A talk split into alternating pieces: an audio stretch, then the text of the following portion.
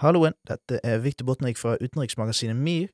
I denne litt uh, unike episoden så er det et intervju med prisvinner av Raftoprisen, Nojigoto Chabonel, som er daglig leder i organisasjonen Youth for Peace i Tsjad, der han og resten av organisasjonen arbeider med å forebygge uh, tortur og hindre tortur, og ikke minst hjelpe og rehabilitere ofre etter tortur, uh, som er et utbredt problem i Tsjad.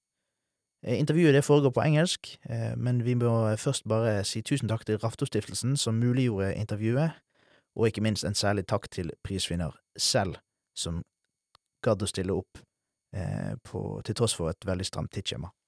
Vi har hatt noen tekniske problemer. Vi er jo studentradio tross alt, så det har blitt klippet og limet litt på spørsmål og svar, som betyr at lydnivået og lydkvaliteten er kanskje litt varierende fra eh, tid til tid, Likevel er det et utrolig interessant intervju med en mann som har veldig, veldig mye klokt å si, og eh, det er bare å nyte de neste minuttene.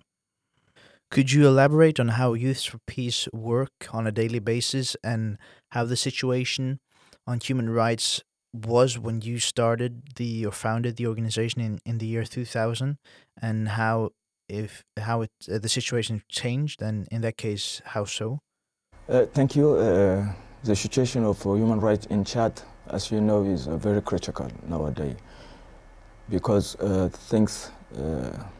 last year, when the president Idris Deby was killed in the front line, commanding his troop, fighting rebels coming from Libya borders, there is a, constitutional coup d'etat uh, where uh, generals, a group of generals, uh, with at the head the son of the president Deby. They took the power and they installed a transitional uh, period for eight, 18 months. But uh, you know, it, it was uh, for us it was uh, uh, anti-constitutional anti coup d'état because we have a constitution, and if the president was die normally, we should organize a short period of transition and go to the elections but it was, it was not happen. And uh, when uh, it, it was the opposite of what the population of Chad want to see according to our constitutions, there was a demonstration that, uh, during last year, April uh, 27 of April, there was a demonstration was was bloodily repressed by the force, uh, police force, uh, with 17 people were killed and almost 800 people were arrested last year. But after that, we, the car come back and uh, the military uh, transitional uh, transition end 20th of October, uh, one month, almost one month ago. And, but they, uh, again, they extend the transition period for two years and that provoke again uh, another demonstrations, pacific demonstration, claiming just for freedom of expression, freedom of uh, democracy. But the, that uh, demonstration was encore, it was again bloodily repressed. Now we are about 150, more than that, were killed, and more than uh, 300 people were wounded and uh, now we don't have an estimated exact number of people who were arrested, but according to our investigation, we have uh, around 1,000 people that were arrested and deported to a famous prison in the north of Chad called Koro Toro. Yeah. Could you elaborate on how Youth for Peace work on a daily basis and how the situation on human rights was when you started the or founded the organization in, in the year 2000 and how if how it uh, the situation changed and in that case how so? Uh, the youth for peace and non-violence association was created in 2000 in response to what our country experienced. You know chad is a, one of the country in the world that was forgotten by the international opinion. And uh, uh chad was a French colony after the independence in 1960. Three years after it started the violence, the first rebels group was created in the north of Chad, calling FROLINAT, which is in, in, in English is Chadian National Liberation Front. And at that time, it started the violence. And the first coup d'etat happened in 1975, and after followed by civil war in 1979 for ninth month civil war. And after that, uh, there was a, a, rebel chief group called Hissène Habré who took the power. And for seven years, he installed a dictatorial regime which repressed people in different uh, manner, followed by many people were arrested and many uh, thousand and thousand of people were disappeared. And uh, we have now uh, almost uh, 5,000 people who are victim of torture of Sanabri. And for that reason, after the event of the democracy in Chad in 1990, uh, it came in our mind with the colleague because during all that violence that the country uh, went through, the politicians use youth people in the front line. They use youth people to kill, they use youth people to destroy, they use youth people to torture. And we say, why not use youth to promote peace and human rights? That's the best way to use youth. And we decided to, to create HPNV. But at the beginning, it was, it was not easy because we don't receive authorization from Chadian authority to work. After one years, we finally receive the authorization and we start to educate uh, youth people about the importance of the peace. Because if you have a peace, there is not violence. And if there is not violence, there will not be a human rights violations. Because human rights violations come through violence. For that reason, we have Youth for Peace and Non-Violence Associations. And also, after the long period of conflict and violence that the country experiences, we have a lot of victims of torture and violence. For that reason, we have also a program for the rehabilitation and reparation of uh, victim of torture. The rehabilitation, that our program for the rehabilitation is to, to allow victim of torture to have access to medical, psychological, social and legal services because when someone was tortured, torture affects people at the different level physically and psychologically, socially and economically. For that reason, we, we work to provide medical service in order to help victims of torture to overcome the symptoms of the physical torture that he experienced. And the psychological support is to help the victim of torture to overcome the psychological symptom of the tortures. And when someone was tortured socially, he lose everything he lose everything. And we help the victim also to, to, to reintegrate the society and he can do his life like before tortures. You mentioned it earlier that it wasn't easy fun founding a Youth for Peace in 2000. And in that case, I wanted to ask you how is it to work in a regime that doesn't want you there? How do you get funding and how do you gather your employees? How does all of that come together in in a situation that's so difficult to work in, especially when you have a goal that's so difficult to achieve in a country like Chad? Yeah, all of our staff uh, we work on a voluntary basis because we don't want to wait someone else to come and, and, and bring change in Chad. And we are working in the basic, voluntary basic, all our staff, all our members because the door of our organization is open to everybody who wants to promote uh, human rights and democracy. Everybody that want to work for respect of the human right and for the democracy. Access to the funding in Chad is very, very difficult, and we are working as a voluntary, as a voluntary, basic voluntary. For that reason, we are not, we are not able to do more than what we can do now because the Chadian government is not funding uh, organization. Because when you are working, when you are human rights defenders in Chad, they think that you are an enemy of the state. They consider you like a spy for the Western country. They think that you are the one who report about the human rights violation to Western country.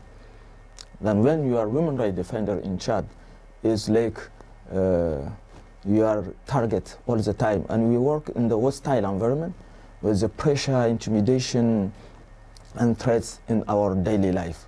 It's very, very difficult to, to work in Chad uh, or doing, being a human rights defender in, in Chad. Do you think it'll be harder during uh, doing your work now that now you have uh, won the Rafto Prize? Or do you think it, it'll s- uh, work as some sort of protection also now that you have more international recognition than earlier? The Rafto Prize for us is a, uh, a new source of energy. You know, it's kind of uh, the door, the open door for us. Because uh, before the Rafto Prize, our organization is not well known abroad.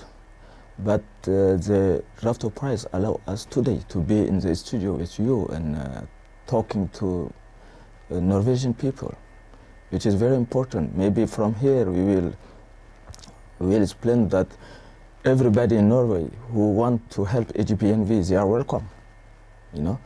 And uh, the price is for us not uh, to is another it's another it's another step for our work in Chad. And uh, it means that it's now that we start AGPNV because it is another battle, it is another strategy, it is another uh, step to go forward in the fight for uh, the respect of human rights and the rehabilitation of victims of torture in Chad. And uh, we are we are proud we are proud to have this this award and uh, happy also uh, to be uh, among uh, Rafto Prize laureate. Do you think it'll be harder during doing your work now that now you have won the Rafto Prize? Or do you think it, it'll uh, work as some sort of protection also now that you have more international recognition than earlier? Receiving the Rafto Prize is a challenge at two levels for us, at the international level and the national level. International level, the challenge is what now many people start to know about AGPNV, what we are doing in Chad, and what we, we ask for the international opinion, international organization, and volunteer people that are ready to help AGPNV is to help us to transform that price to the concrete action and the, to help us to, to move forward. That's the challenge at the international. And the local, nationally, in Chad, everybody start to turn to look to AGPNV. And also victim of tortures. They hope that now the situation start to be uh, the, the people start to, to know about their, their situation in Chad. And they hope that maybe the international opinion will start to, to, to do like a, a pressure on our government to see the situation of victim of torture in Chad and to improve their situation. Because up to now, most of the victims are waiting for the reparation. But almost most of them, some of them are already died. But we have a victim, secondary victim of torture that are there, who are their children, their wife. But the children doesn't have uh, uh, access to good education because there is no one to pay their educations. They don't have access to health services. So the Rafto Prize also brings some sort of greater responsibility than before now that people look up more up to uh, Youth for Peace as guidance, as as leadership in the battle for for abolishing uh, uh, torture in Chad on an both a national and also international level. Yeah. Lastly, Youth for Peace is uh, was funded when you were a student, and I'm a student, and we're a student radio. So in that case, I I wanted to ask you, what uh, role does today's youth and today's student in Chad uh, function in in Youth for Peace? You are not an old uh, gentleman by any means, but you're not the the young uh, student you were when you uh, funded the uh, organization. So I'm I'm wondering, are you positive that the today's generation, today's younger generation, and tomorrow's future generations will take over the mantle of, of responsibility for for still promoting the battle for uh, for abolishing torture in Chad and continuing the work that you've done uh, these 20, 22 years? Yeah, because now we we want to to bring the youth people in Chad to think differently, not like our parents. You know, we need to to to bring a, a new new group of leaders in Chad, and those leaders should not use violence like uh, uh, a gun or like a tools to, to control people. But it's good to use democratic, it's, it's democratic values to, to, to, to lead the country or, or to lead people. And we, if you didn't, we didn't do that or we don't do that, it is, it is not somebody else who can do it for it. And now we, since we start, we train, we train youth, we work mostly with youth to do not follow the politicians that are using violence, but in order to, to, to have a new strategy, a new, new way of acting, because non-violence is not refusing to act, but is to act differently. Not because violence is for the, the weak people, people that use violence to resolve problems, they are weak. But people that use non-violence, they are power people, they are powerful people. And we prefer to use people to promote peace. Peace is the fundamental. The first human right is peace. Everybody was born to be in peace. And peace is not just a word. Peace is a behavior. You know, for us we say peace is a behavior. And when you have peace, everything will run smoothly. There is not a problem.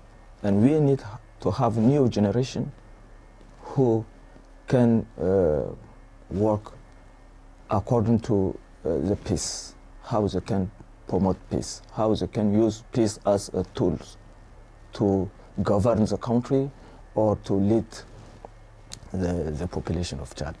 You say that peace is a behavior, and I, I gather a difficult behavior, in especially in cases like Chad and other authoritarian regimes. So I'm wondering what can be done from the international community and, for example, here in Norway to contribute to your battle against the uh, battle against torture in, in Chad? What uh, contributions can can we do as well? Yeah, uh, start uh, with Norway. You know, I, I know Norway with uh, about uh, Nobel Prize for peace. Everything that come from Norway are for peace, human rights, peace, human rights, peace, human rights. And the famous capital Oslo, I know Oslo because of the Oslo yes, all the things. And Norway can do a lot for to help Chad in a different way. You know? Yeah, at the political level, because when you develop a good friendship with someone, you can share with you with the, the person how you do good and uh, how he is doing bad, maybe he, he, can copy from you. You know, and we think that the Norway government can develop a, a good partnership with Chadian government in order not in order to bring them to the good way of respecting human rights and uh, apply democracy value, and also population of Norway. They can help AGPNV and other human rights organization based in Chad to do their, their, their work forward. And we are open to, to, to receive support from everybody from Norway, student, teacher, politician, human rights organizations from Norway. Yes, it's important to, to, to develop that partnership with government of Norway and Chadian government and also organization from Norway and organization based in Chad because we need to learn from Norway. We need to learn from how they succeed to, to have a peace, to, to apply democracy values, to, to respect human rights. Also, we need to learn. And to learn, we need to, to have a, a, a big a good partnership with Norway population, government, organizations, and everybody. Vi vil eh, utbringe en eh, stor takk til eh, Raftostiftelsen, som muliggjorde dette intervjuet her, og ikke minst en særlig stor takk til prisvinner selv. Stilte opp selv for, til tross for et veldig tettpakket skjema da han var her i Bergen.